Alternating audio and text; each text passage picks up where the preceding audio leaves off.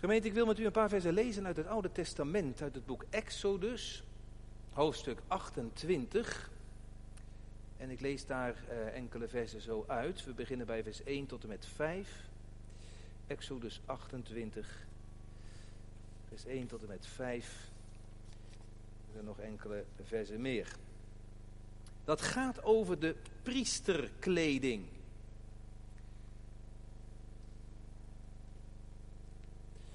Wat u betreft, vers 1, laat uw broer Aaron en zijn zonen die bij hem zijn, bij u komen uit het midden van de Israëlieten, om mij als priester te dienen.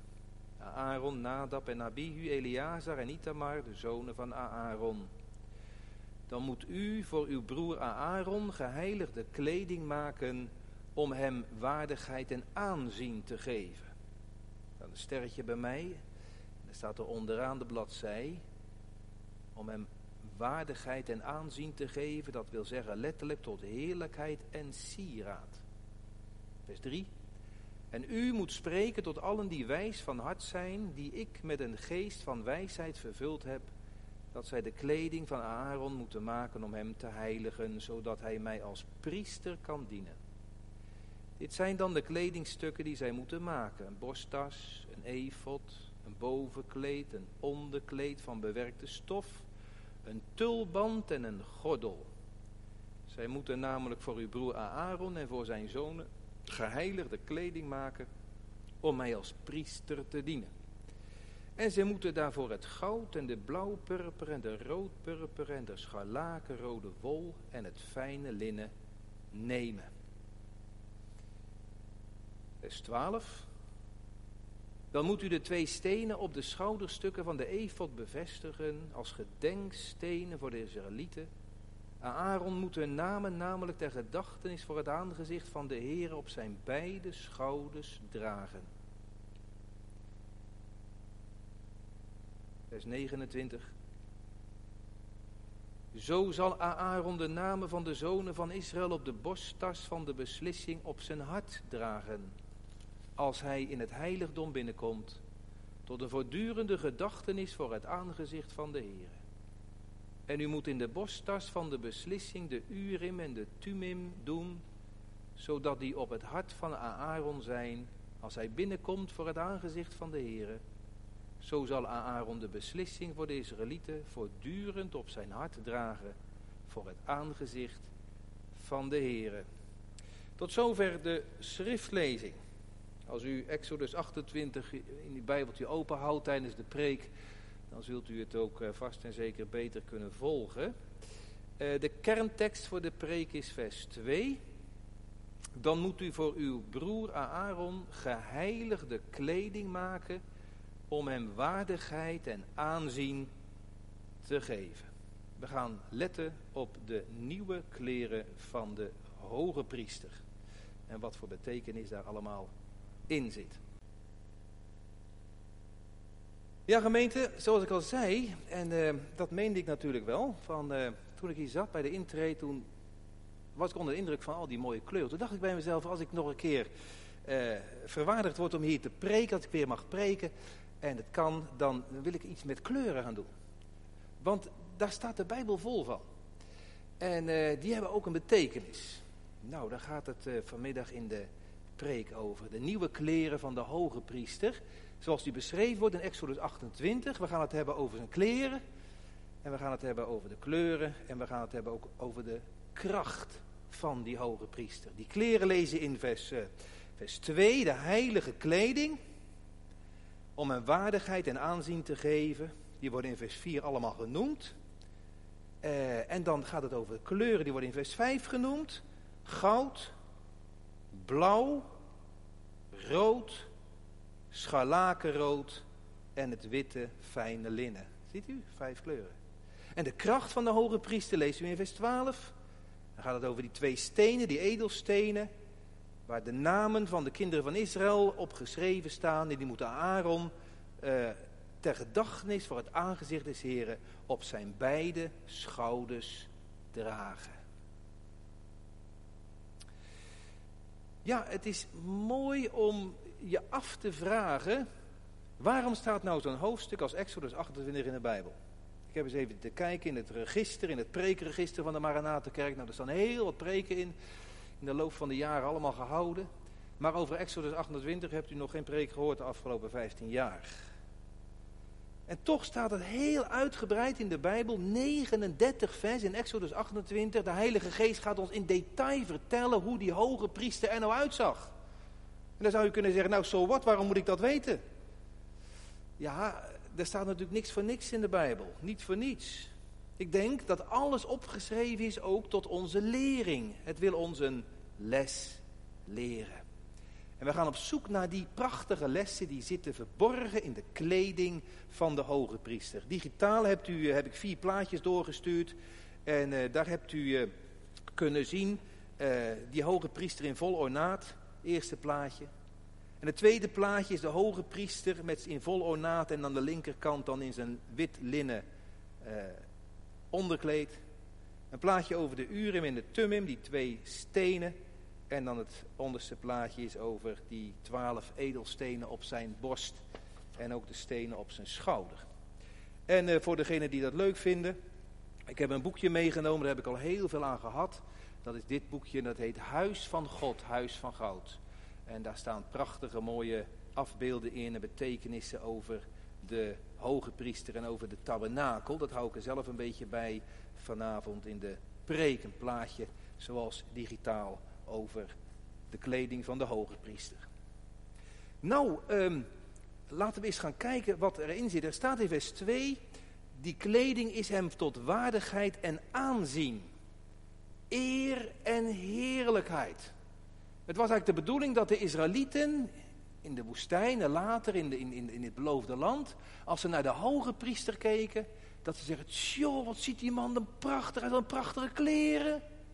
En dat ze niet alleen die man zouden bewonderen, wat een prachtige. Nee, dat ze door die kleren heen de God van die hoge priester, hun God zouden verheerlijken. Het is tot heerlijkheid en tot eer, tot glorie en tot pracht van God. Dat ze zouden zeggen, niet wat ziet die man er prachtig uit, maar wat hebben we een prachtige God. Hoe groot en hoe schitterend is toch die God die woont in die tabernakel, in die tempel, waar die priester dient, namens ons. Om de glorie van God te vergroten. Daar waren die kleren voor.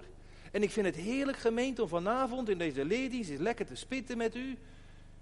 En te graven en vooral te letten, niet op Aaron alleen, maar Aaron is een hoge priester die een beeld is van de Heer Jezus. Als u Aaron ziet in zijn prachtige kleren, dan moet u denken aan de Heer Jezus. Hoe groot en hoe schitterend is zijn eer. Hoe weet ik dat? Nou, omdat er in Hebreeën staat, beschouw, Hebreeën 3, beschouwt de hoge priester van onze beleidenis. Met andere woorden, kijk nou eens goed naar de hoge priester van ons, dat is de Heer Jezus, de die wordt genoemd de hoge priester van onze beleidenis. Kijk eens goed naar hem. En kijk dan naar hem zoals in het plaatje, zoals in het Oude Testament verbeeld, zoals die, zoals die hier wordt getekend. Want wij hebben een grote hoge priester, Jezus Christus, de Zoon van God, die de hemelen is doorgegaan waar die in het hemels heiligdom voor ons dient. Een hoge priester die medelijden kan hebben en barmhartigheid kent, die leeft, die bidt. Dus denkt alstublieft als u luistert aan de Heer Jezus en aan de kleding en de betekenis die hij draagt. Nou, zo gaan we kijken.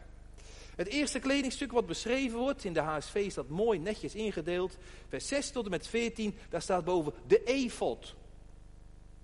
Nou, de efot, als u digitaal meekijkt, dat is eigenlijk dat, dat prachtige, dat is een soort spencer. Een pullover, een priesterschot, zo wordt het ook wel vertaald. Dat, dat is als het ware die, die, die prachtige, mooie, veelkleurige, ja, het is een schort. Het is een schort. Heel speciaal. Veelkleurig. Er zit van alles en nog wat in. En als ik dan denk aan de Heer Jezus, hoe hij nu in de hemel Schitterend, prachtig, schoon, in schoonheid, in glorie, leeft en bidt voor het aangezicht van zijn vader. Hij ziet er zo uit. En dan bedoel ik dit. Die kleuren in die efot, ja, die hebben natuurlijk een symbolische waarde. Nou, er staat in vers 6 een efot van goud. Goud is in de Bijbel altijd, net zoals hier, goud dat erin verweven zit, goud dat werd vroeger geplet. En daar maakten ze dan hele dunne draadjes van. En dat gouddraad dat werd geweven tussen dat andere garen. Die andere stof. Overal zag je dat goud tussen blinken, schitteren. In de geestelijke betekenis is dat de betekenis. Goud is altijd het beeld van de godheid. Goddelijke glorie. Ik vind het heerlijk om zo aan de Heer Jezus te denken. Wat hij ook deed op aarde als mens. Je zag overal, zag u toch iets van die goddelijke glorie. Je zag het er doorheen schitteren. Kunstig verweven. Denk aan de Heer Jezus bij het graf van Lazarus. En hij weende bij zijn vriend die gestorven was. Dat is zijn mensheid. Maar even later wekte hij hem op. Dat is die gouddraad. Waarin met goddelijke kracht zegt, Lazarus kom uit. Ziet u het goud schitteren? Ander voorbeeld. Ik denk aan de Heer Jezus die op de boot lag te slapen, storm op zee, het meer van Galilea. Dat is zijn mensheid. En dan staat de Heer Jezus op, dan wordt hij wakker en dan zegt hij tegen de golven, zwijg, wees stil en het wordt volkomen stil. Dat is dat gouddraad, dat glinstert door zijn werk, door zijn woorden heen. Gouddraad, goddelijke heerlijkheid. Ten tweede wordt er gesproken in vers 5 over niet alleen goud, maar ook blauwpurper blauw-purper.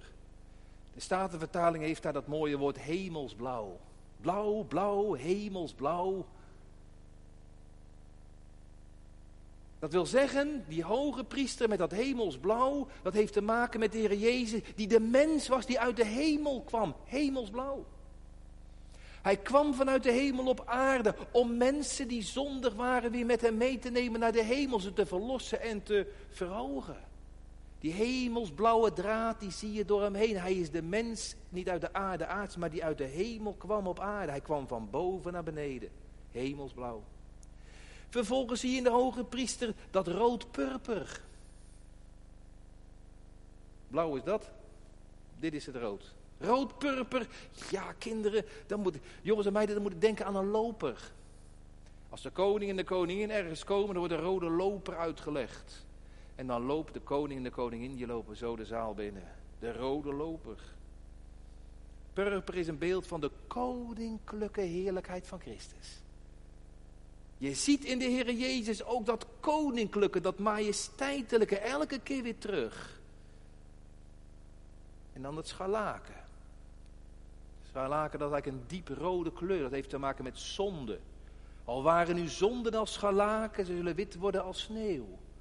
Met andere woorden, de Heer Jezus als de hoge priester is gekomen om de zonde van het volk, om de zonde van zondige mensen, om die scharlaken zonde te maken, wit te wassen. Als de sneeuw die wij gisteren vers op het aardrijk zagen neervallen. En dan de vijfde kleur is dat witte linnen. Wit is altijd een beeld van smetteloze reinheid. Nou, we hebben een aantal jaar geleden hebben die hele Hebreeënbrief doorgenomen. We hebben de Heer Jezus gezien hè, als die hoge priester die smetteloos is, rein, zonder zonde. Ziet u dat die kleuren spreken? Ziet u dat? Ik vind het mooi, kinderen, als je nog eens een keer, uh, als je nou deze preek gehoord hebt, en je zit weer eens in de kerk, en uh, ja, zoals ik dat vroeger deed, dan, uh, dan duurde de preek soms een beetje lang, en dan ging je een beetje kijken zo om je heen, en dan ging vaak wel eens de orgelpijpen tellen. Nou, dan ben je hier voorlopig ook niet even klaar, klaar, maar als je dat dan allemaal gedaan hebt, dan zou het toch wel mooi zijn als je zegt van nou, ik ga nog eens een keer naar die kleuren kijken in de kerk. En oh ja, die kleuren die, die zijn niet alleen mooi, maar die spreken van de Heer Jezus. Ja, dat is mooi. Dat is mooi. De kleuren in de Maranatenkerk die verwijzen naar de Heer Jezus. De efot. De efot. Maar daar is nog veel meer over te vertellen. Die efot die van bovenaf, die zat vast, ja, met een soort schoudervulling schoudervulling. Ja, dat hebben wij soms ook wel eens onder, uh, onder je colbert schoudervulling. Dan lijkt het nog wat, zeg maar. Maar die schoudervulling zat niet aan de binnenkant, die zat aan de buitenkant. En die schoudervulling hier, je ziet dat ook op de plaatjes, dat waren twee gouden kastjes. Twee gouden kastjes, vattingen. Vattingen, zettingen. En in die gouden kastjes, daar zaten twee dezelfde stenen. En op de ene steen stonden de zes namen van de stammen van Israël. En die andere steen stonden die andere, de twaalf namen van de stammen van de zonen van Israël. Dus op die ene steen stond Ruben, Simeon, Levi, Juda, Dan, Naphtali. En op die andere steen stond Gad, Azer tot en met Benjamin. Hij droeg als het ware die hoge priester, het hele volk, het hele verloste volk, droeg hij op zijn sterke schouders. Twaalf namen, geen eentje gemist. En dan trek ik graag weer de lijn door naar de Heer Jezus. Als ik denk, dat staat er ook in vers 12, hè? Hij draagt ze op zijn beide schouders. En dan denk ik aan de Heer Jezus. Als ik denk aan de schouders van de Heer Jezus, dan denk ik aan de Heer Jezus als priester, maar ook als herder. Hoe hij die verloren schaapjes op zijn beide schouders, daar liggen ze. Daar ligt de kerk, daar ligt de kerk, op zijn schouders. Beste plekje. En hij draagt ze er doorheen en hij draagt ze naar huis. Eens heeft op zijn schouders een kruishout gelegen. Dat was een volle last van zonde die hij droeg. Maar nu, als de hoge priester in schittering in de hemel, nu draagt hij zijn volk. Niet als een last, maar als edelstenen. Die twee stenen, dat waren geen kiezelstenen, dat waren juwelen. Met die namen beschreven. Hij draagt ze als een voorrecht op zijn schouders. Krijg je er een beetje feeling voor wat er nou onder zit, wat er nou achter zit, achter deze beschrijving? Nou, dat, is, dat, is, uh, dat zijn de schoudervullingen. Nou staat er nog wat. Dat is het volgende kledingstuk. Er wordt gesproken over de borsttas. Vanaf vers 15. De borsttas. De borsttas der beslissing. Wat is dat? Nou, dat is als je goed kijkt bij die hoge priester, dat is die, ja, een borsttas, dat zit hier. Een soort borstzak. Een geleuf zat erin, dat is een zakje hier. En, uh, en, en, en hier zag je dan vier rijen met allemaal edelstenen. Vier maal drie is twaalf edelstenen een borsttas. En dat staat in vers 16 dat het een vierkant moest zijn. Vierkant moet hij zijn. De lengte moet een span zijn en de breedte een span. Een span dat is de lengte tussen je duim en je pink. Zo. Zo, een vierkant. Met andere woorden, die twaalf namen van de twaalf zonen, de twaalf stammen van Israël, die worden door de hand van de Heere veilig vastgehouden. Ze vallen er niet uit. Niet, geen één, geen één. Ook de kleinste, ook Benjamin niet. Er valt er geen één uit. Een vierkant. En hij draagt ze waar? Op zijn hart. Op zijn schouders. Maar ook elk van die twaalf op zijn Weet je wat ik ook zo bijzonder vind? Mag wel in een leerdienst. We gaan een spaatje dieper. Ziet u het je vierkant staan in vers 16. Vierkant. Vierkant en allemaal edelstenen. Als u Bijbel vast bent, zou een goede vraag zijn voor een quiz. Waar vindt u nog meer in de Bijbel een vierkant? En de oplettende lezer weet dat het vierkant nog één keer ergens anders gevonden wordt, namelijk in Openbaring 22 of Nieuw Jeruzalem. En er wordt letterlijk gesproken over dat Nieuwe Jeruzalem. Er wordt ook gesproken over edelstenen in het Nieuwe Jeruzalem. En over namen van apostelen en namen van, van, van, van, van de stammen van Israël. Namen en edelstenen. En, en, en, en, en, de plattegrond van het Nieuwe Jeruzalem was een vierkant. Alleen veel groter dan dit. Het leek als het ware alsof die hoge priester, als het ware een, ja vroeger had je een negatiefje, een negatief van een foto. En als je dat dan in een diaprojector deed dan, en je had een scherm, dan werd, dat dan werd het vergroot. Hier is als het ware het negatief van, het foto, van de foto. En in openbaring 22 ziet Johannes dat vierkant weer terug. Met al die edelstenen, maar dan in dat nieuwe Jeruzalem. Is dat. Daar leidt die hoge priester, de Heer Jezus, zijn volk naartoe, naar dat nieuwe Jeruzalem.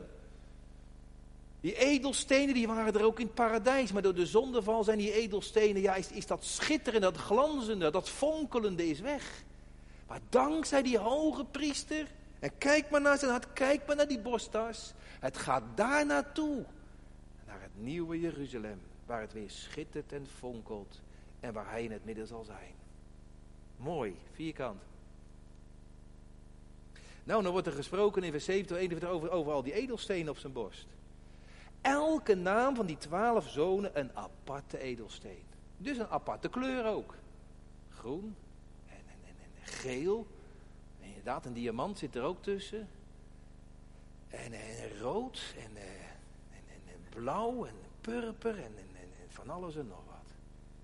Gemeente, het is een geweldige mooie gedachte. Ik vind dat heel mooi.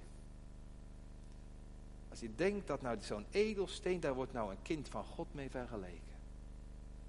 En wat voor kind van God? Ruben, nou die, die, is, uh, die, die deed de misstad, Ruben. Hè? En Simeon en Levi, die waren gewelddadig. En Juda, die verkocht zijn broer Jozef.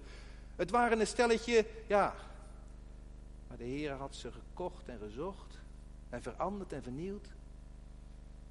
Dat nou elk kind van God, als je door genade, als je wederom geboren bent, als je door genade, als je gered bent, verlost bent door het bloed van het lam, dan ben je van een zondaar, een vuile, onreine zondares, met een zondig hartje, ik ellendig mens, dan maakt de Heer jou van een zondaar tot een, tot iets kostbaars, tot een diamant door God geslepen, door een juweel. Als God naar jou kijkt, dan ziet hij geen zondaar, maar dan ziet hij iets o zo kostbaars.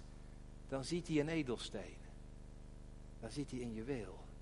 En hij kijkt naar mij en ik ben altijd verbonden met die hoge priester. Ik ben altijd verbonden met de Heer Jezus. Maar in hem en door hem ziet hij glans en legt hij glans om mij. Als het licht van de hemel op die edelstenen schijnt dan schitteren ze en dan fonkelen ze en dan stralen ze. Zo ben ik verbonden met de Heer Jezus voor God. Kostbare gedachte. Weet je, er staat in vers 21, die stenen met die namen, die namen moeten er wordt ingegraveerd worden. Gegraveerd. Niet met een potloodje die naam erop geschreven, dat kan eruit gummen. Niet met een veelstift die naam erop geschreven, die steen, want dat kan, dat kan vlekken, dat kan, dat kan weg, weg, weg, weggaan. Maar gegraveerd. gaat er nooit meer uit. Ik pak mijn trouwring. En dan ga ik mijn trouwring afdoen. Daar staat er de naam van mijn vrouw in gegraveerd. Dat, dat, dat gaat levenslang mee. Dat gaat er niet meer uit. Dat is ook de bedoeling. Een teken van liefde. Ik sta op zijn borst, op zijn hart. Dat is de plek van de liefde van de heiland. Ik sta op zijn hart gegraveerd in zijn hart. En ik ben als een edelsteen voor hem. Door hem gekocht, door hem verworven en door hem geslepen en door hem kostbaar gemaakt. Aangenaam gemaakt door hem. Hij mint mij, want hij draagt mij op zijn hart. En die naam gaat er nooit meer uit. Dat is geweldig. Een ongelover is onbekend.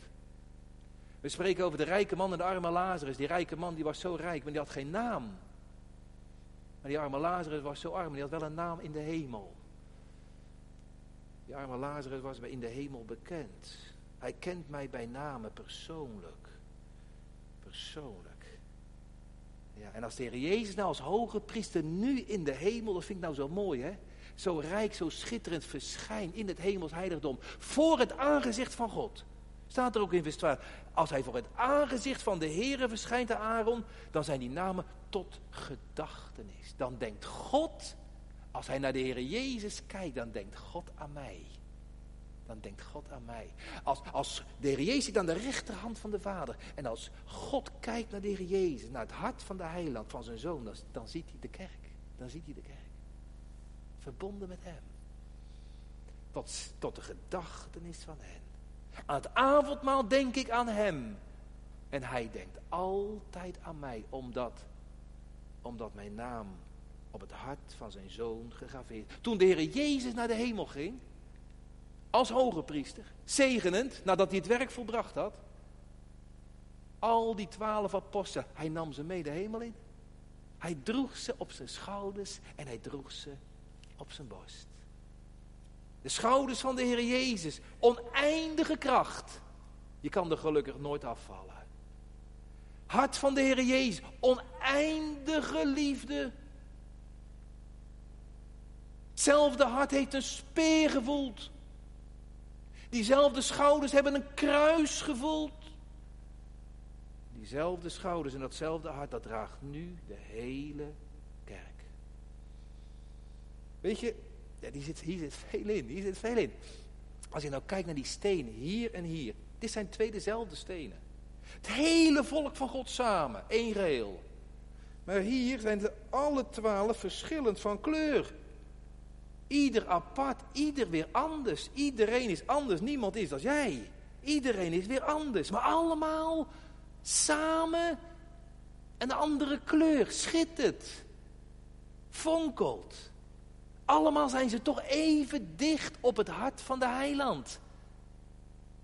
Het is mooi als je elkaar in je anders zijn als kinderen van de Heer, als je elkaar in je anders zijn accepteert. Als ik dan het gele kleurtje ben, dan mag jij het groene kleurtje zijn. Je hoeft ook niet het gele kleurtje, want ik nee. We zijn allemaal uniek. En we mogen schitteren bij hemelslicht voor Hem. Nou, dat vind ik mooi gemeente. De wereld ziet de kerk zo niet, hè? De wereld ziet de gemeente zo niet. De wereld ziet wel de gefouten en de gebreken, de tekortkomingen van Gods kinderen. Maar als God naar Christus kijkt en God ziet mij in Christus, dan ziet hij geen vlek, dan ziet hij geen rimpel, dan ziet hij geen fout. Dan ziet hij alleen maar kostbaarheid.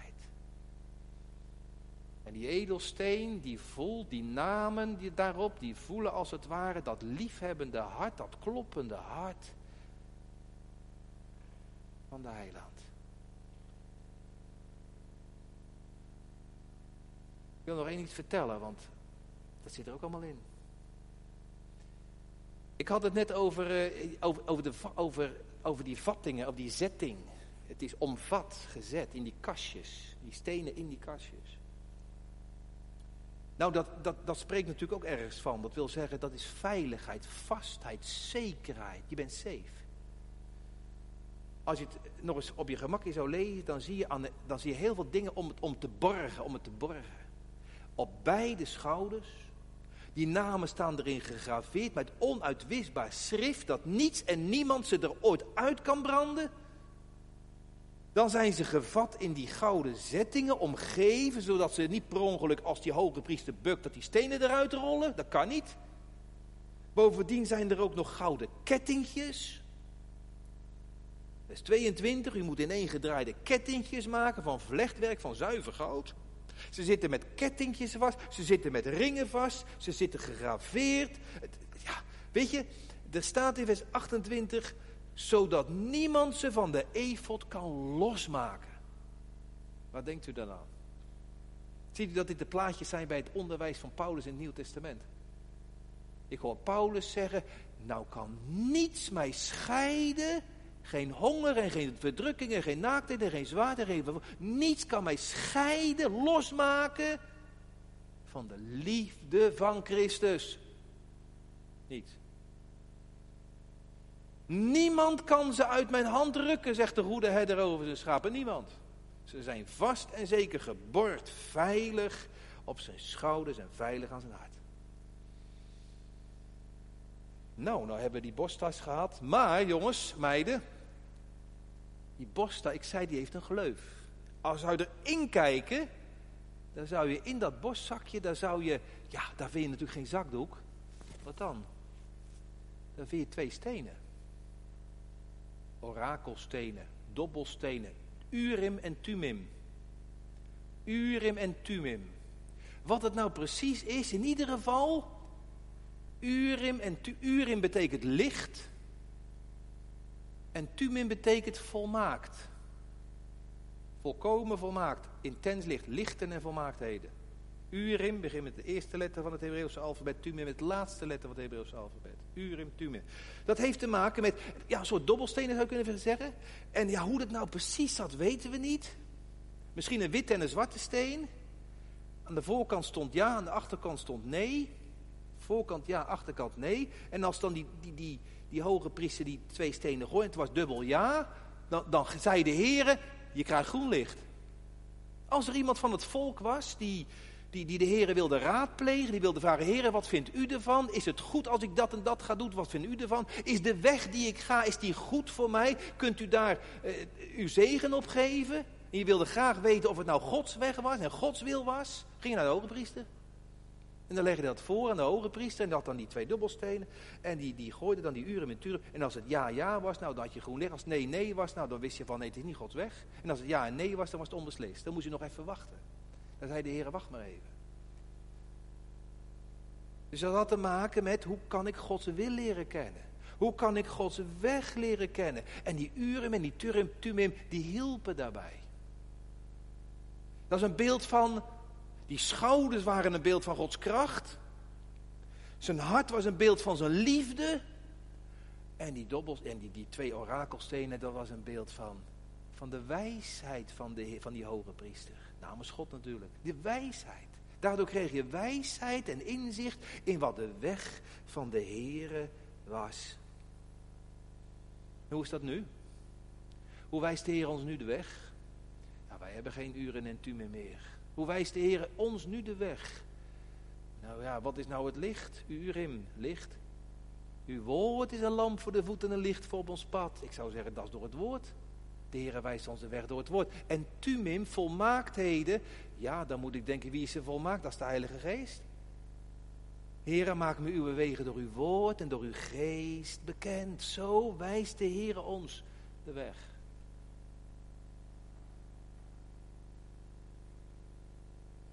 Even voor degene die het vat. Een mooie gedachte. Die, die wil van God, die zat in die twee steentjes, hè.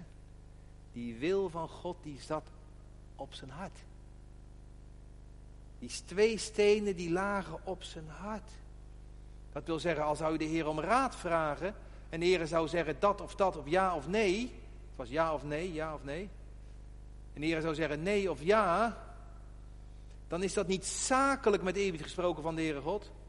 Of niet cool beredeneerd. Nee, de wil van God is altijd liefdevol, want die stenen liggen op zijn hart.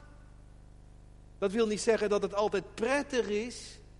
Maar als je dat meer en meer zou beseffen, dat de wil van God rechtstreeks uit het hart van God voortkomt, dan zouden we misschien wat minder moeite hebben als de Heer nee zegt. Of als de Heer zegt, die weg moet je niet gaan, als het soms pijnlijk lijkt te zijn. Maar Gods wil is altijd wijs en heilig en liefdevol. De stenen lagen op zijn hart. Nou, dat hebben we gezien, hè? Die hoge priester is krachtig, is liefdevol en zo wijs.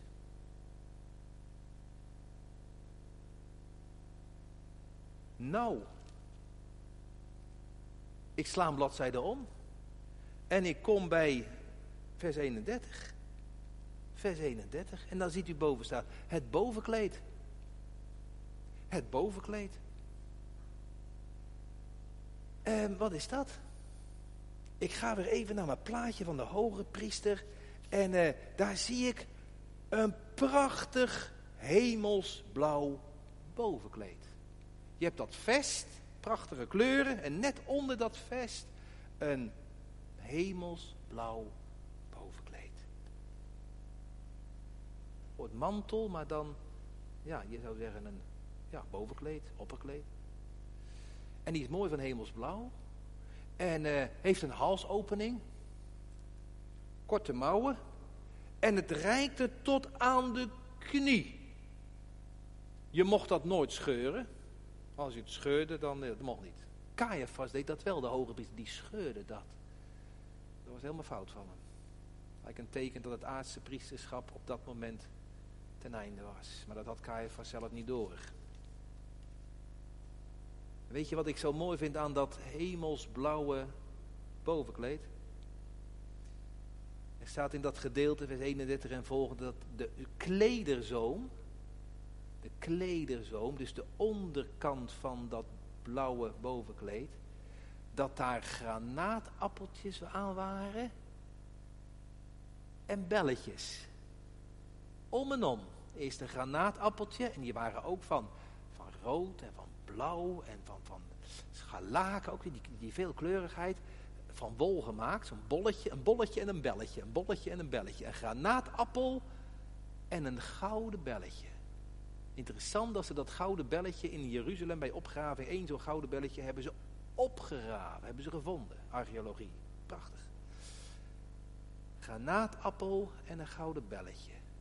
Granaatappel en zo helemaal rondom. Aan de onderkant. Je ziet het als je goed kijkt, dan zie je het inderdaad op plaatje. Wat wil dat nou zeggen? Wat wil dat zeggen? In vers 35 staat, Aaron moet dat namelijk dragen wanneer hij dienst doet, zodat het geluid ervan gehoord wordt als hij in het heiligdom naar binnen komt voor het aangezicht van de Heer en als hij naar buiten gaat. Dus als die hoge priester het heiligdom binnenging en het volk stond daar te wachten, en dan ging hij lopen, zo stap voor stap, en dan hoor je dat, dat, dat zachte klingelen van die belletjes. Oh, de hoge priester gaat daar voor ons bidden. Hij gaat daar voor ons bidden. Ik heb een heiland die leeft om te bidden. Daarboven. En als je nou heel goed luistert in de kerk, heel goed luistert, dan hoor je het geklank. Welzalig is het volk dat naar die klanken hoort. Dat er een priester is die bidt. Heer, ik bid niet voor de wereld en bid voor hen die gij mij gegeven hebt. Een priester die bidt. Als dit heiligdom ingaat en straks bij de wederkomst, dan komt de Heer Jezus het heiligdom uit. En als je nou goed luistert in het wereldgebeuren, dan hoor je dat hij bezig is. Hij, is al, hij komt eraan. Straks komt hij het hemels heiligdom uit. Ik hoor al de signalen. Ik hoor al het klinken van de belletjes steeds luider. En nog even. En hij komt terug. En hij komt naar buiten. En hoe komt hij dan naar buiten? Nou komt hij zegenend tevoorschijn, die hoge priester. Op grond van zijn werk. En op grond van zijn voorbeden. Zo komt hij straks terug. Maar nu is hij in de hemel ons ten goede, zegt de catechismus. Weet je wat ik ook bijzonder vind? Dat om en om. Granaatappel, dat is zichtbaar. Het belletje is hoorbaar. Zichtbaar, hoorbaar. Zichtbaar, hoorbaar. De granaatappel, dat is, dat is uh, een vrucht. En het belletje, dat is geluid. Dat heeft te maken met mijn woorden en met mijn daden. Van de Heer Jezus staat dat hij machtig was in daden en woorden. En dat was volkomen in balans. De gelijkenissen van de heiland en de wonderen van de heiland. Woorden en daden. En als dat niet in balans is bij ons, ja, dan weet u wat er gebeurt. Als er heel veel belletjes aan u zitten, maar heel weinig granaatappelvrucht, dan is het een luidende schel. Dan zeggen ja, die man doet wel naar zijn woorden, maar doet niet naar zijn daden. Hij heeft zijn mond vol van, maar zijn daden zijn zo anders. Ziet u? Het moet ook bij ons in evenwicht zijn. In balans zijn woorden en werken. Ja, belletjes en de vrucht.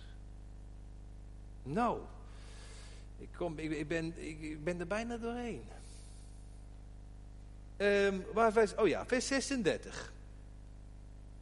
In vers 36 wordt gesproken over, uh, over de gouden plaat. En over de tulband. U moet een plaat maken van zuiver goud en daarin graveren heiligheid van de Heer. Heiligheid voor de Heer. De Heer is heilig. Heilig voor de Heer. En u moet die plaat, die gouden plaat, die moet u bevestigen met een snoertje aan de tulband, een hoed, tulband, een witte tulband van de hoge priester. Zie je dat voor je? Even kijken op een plaatje. Ja hoor, een witte muts en dan zo'n gouden diadeem. En op die goud, aan de, voor, aan de voorkant kon iedereen lezen, de Heere is heilig. Nou, dat is natuurlijk wel heel belangrijk. Dat is heel belangrijk.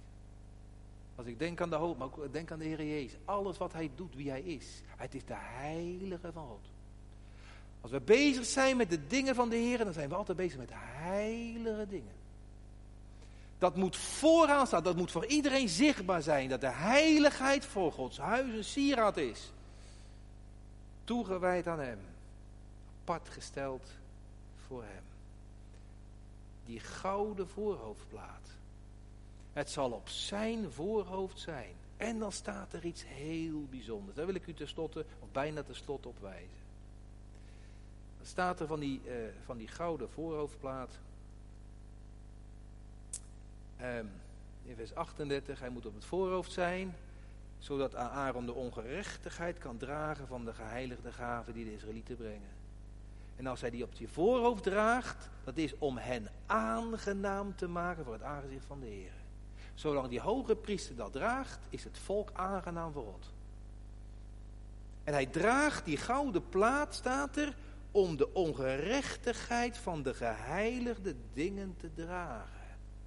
Nou, simpelweg gezegd, de Heer Jezus draagt die gouden plaat, die, die dat voorhoofdsiersel, om de ongerechtigheid van onze heilige verrichtingen te verzoenen. Hier staat, simpelweg gezegd, dat zelfs in de meest heilige dingen die wij doen, de meest heilige dingen die wij doen, daar kleeft ongerechtigheid aan. Nou, dat is wel iets over na te denken, zeg. Wil dat dus zeggen dat als ik bid of als ik naar de kerk ga of als ik wat doe voor God, dat, dat, het, dat het niet zuiver voor God wordt bevonden? Ja, dat betekent dat. Zelfs onze gerechtigheden, onze goede werken, die hebben verzoening nodig. Dat staat er hier.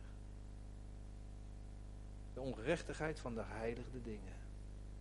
Herkent u dat? Jouw stille tijd is nou de week van gebed. Jouw stille tijd. En ja, ik skip nog wel eens met mijn stille tijd, want ik heb het gewoon te druk. Dan schiet het er weer bij in. Ja, met een kwaad geweten, maar ja goed, morgen maar weer proberen. Nou, dat is nou die ongerechtigheid, een iets. Of je houdt stille tijd en je bent slaperig. En je valt uh, bijna in slaap of het is waar weer zo kort of zo koud of zo slordig. Maar ook in de dingen die je voor hem doet. Ook in de eredienst. Mijn aanbidding, mijn luisteren, mijn geestelijke gesprekken. Er zit er wel eens een scheutje schijnheiligheid in, een mooie voordoen dan je bent, of formaliteit, of lauwheid, of oneerbiedigheid. Of afdwaling terwijl ik aan het bidden ben. Of egoïsme in wat ik doe voor de Heer. Zit er nou een stukje eigen belang in? Wil ik nou eigenlijk met mijn vrome ik, of met mijn talent, of met mijn gaven, toch zit, mijn ik ertussen? De voorbereiding van deze preek we zitten lezen in een brief van John Newton. John Newton zegt zelfs in mijn studeerkamer als ik mijn preek aan het voorbereiden ben. De ongerechtigheid van de heide, daar ben je toch met de Bijbel bezig? Ja. Er is een verschil tussen bezig zijn en bezig ja, Op de kansel, ook dat, op de kansel. Voordat ik het weet kan er hoogmoed tussen glippen. Aan de tafel van de heren. Soms zag ik het zonder, bijna zonder, dan glipt er een dissonant tussen. Als in de muziek er een dissonant in zit, ah, dan is akelig geluid. Terwijl de mensen zeggen, mooie preek, mooie preek.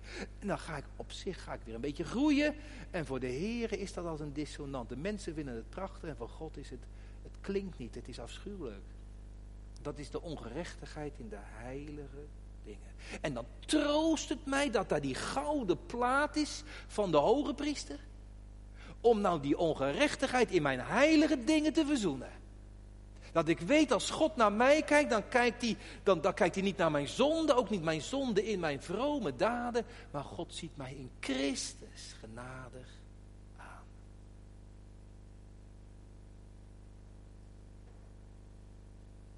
Spurgeon kreeg eens een keer een droom, die droom met een nachtmerrie. Hij droomde dat God hem een rapport gaf. Kinderen, jongens, een rapport. En een goedje, en een voldoende, een zwak en een onvoldoende.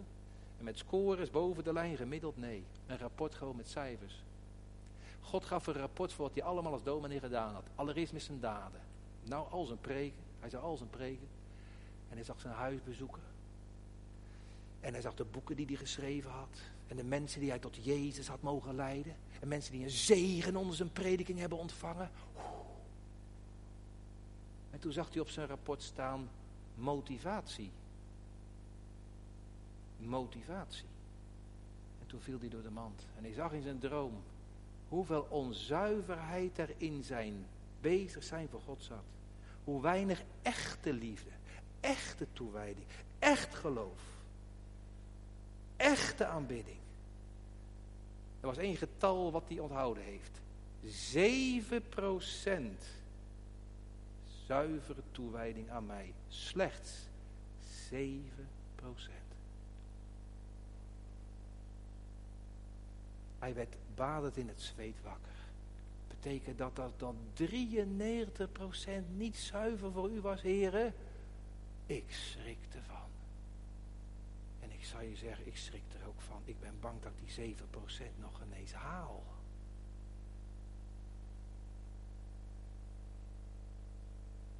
Hoeveel wordt er nou zuiver bevonden voor de Heer? Nou, dat is nou die ongerechtigheid in die heilige dingen. Het troost mij dat die priester een gouden voorhoofdsplaat heeft. Nou, ik ben er bijna. Er wordt in vers 39, ik maak het nog even af. In vers 39 wordt gesproken over het onderkleed. Het onderkleed. Dat, dat is van wit linnen. Wit. Wit onderkleed. Van, van, van, van tot aan zijn voeten. Lange mouwen tot aan zijn voeten. Dat is het witte. Ja, een lijfjurk zou je kunnen zeggen op zijn blote lijf. Helemaal smetteloos wit. Dat, dat is natuurlijk een beeld van de reinheid en de smetteloosheid. De, zon, de, de zonderloosheid van de heiland. De zonderloosheid. Als, als het Joodse volk naar die aardse priester keek, ja, was alles aan hem was mooi. Als een kind van God naar de Heer Jezus kijkt, zo in die beeldspraak van het Oude Testament, dan is alles aan hem mooi. Zuiver, heilig, aantrekkelijk, glanzend. Van ons niet, maar van hem wel. En één keer in een jaar, beste eh, mensen, kinderen, één keer in een jaar, dat is ook een plaatje wat ik heb meegestuurd. Dan legt hij die efot af en dat blauwe kleed gaat af. En die borst gaat, gaat alles af. En dan staat hij daar in zijn, ja, eigenlijk alleen maar in zijn witte onder, onderhemd zou je kunnen zeggen. In zijn witte onderkleed. Al zijn glorie afgelegd. Dat is op de grote verzoendag. Dat is op de grote verzoendag. Het daalt nog heerlijkheid, alles weg. En zo heeft de Heer Jezus verzoening gedaan. Al zijn glorie legt hij af ons tot redding uit het graf. Hij is die onderste weg gegaan. Hij is die minste van de minste geworden. Hij is gekomen om de verzoening aan te brengen. Die ene man in zijn onderkleed, rein en heilig. Maar er was geen glans meer aan hem. Maar wel die reinheid, die onschuld. Caiaphas heeft ervan moeten getuigen. Ik vind geen schuld in hem. En zo heeft die ene man op de Goede Vrijdag, die man van smarten, hij heeft alles gedaan om verzoening te bewerken. Nou, het laatste, dat ik ze alles even gehad als je goed opgelet hebt, dat is de gordel. Hij heeft ook een gordel. Ja, ik zie hem, een gordel. Hele lange gordel. 32 L, dat is heel lang. Een hele lange gordel. En dat is een beeld van dienstbaarheid. Een gordel dient. En dan denk ik aan de Heer Jezus. Hè? Bij de voetwassing. En hij omgorde zich, staat er. En hij bukte en hij ging die voeten van de discipelen wassen. Ja, een kleurrijke gordel. Je ziet daar zijn mensheid, zijn hemelse afkomst, zijn goddelijkheid, die zit er allemaal weer in. Ja, hij is gekomen niet om gediend te worden, maar om te dienen. En zijn leven te geven tot een losprijs voor velen. En maar nou ook nu in de hemel. Ik heb een heiland die ook nu nog leeft om te bidden. Die daar bidt voor zijn volk, voor al de zijnen, ze niet vergeet. Bidt er doorheen. Ik heb een voorspraak bij de Vader. Hij is nog steeds dienend bezig voor alle gelovigen. Totdat hij terugkomt. Als middelaar, als voorspraak, als voorbidder. Op aarde heeft hij voor mij gebloed. En in de hemel bidt hij voor mij. Nou gemeente, dat was het. Kinderen, ik kom nog even terug op die K van kleren. Die K van kleuren. En die K van de kracht. Zijn liefde, zijn kracht, zijn wijsheid. En als je nou nog eens een keer in de kerk zit. En je kijkt naar de pijpen van het orgel. Nee, je luistert. Maar als je een beetje afgeleid wordt en je kijkt naar de kleuren. Denk dan aan die hoge priester. Denk dan aan de Heer Jezus. Straks zullen we hem zien van aangezicht tot aangezicht. En als ik hem dan zal zien, zoals hij is, dan zal ik, o wonder van genade, als ik dan kijk naar zijn hart, dan zal ik mijn naam terugvinden op zijn hart. Nou, dan kan het niet anders of ik zal in aanbidding voor hem neervallen. Verblijft u daarover dat uw namen opgeschreven staan in de hemel. En dan dacht ik bij mezelf vroeger altijd, je naam opgeschreven in de hemel. Heeft God dan een heel groot boek met namen? Die boek staat nergens in een bibliotheek. Nee, weet je waar die namen opgeschreven staan? Hier, op het hart van de hoge priester. Ik eindig met het lied wat zojuist gezongen is. Mooie samenvatting. In Gods heerlijkheid gekomen, draagt gij grote priestervorst. Al de namen van uw vromen op uw schouder en op uw borst. Voor hen leeft u bij de Vader. Brengt u hen het vaderhuis steeds nader, daar gij de uwen nooit vergeet, voor hen tussen beide treedt. Amen.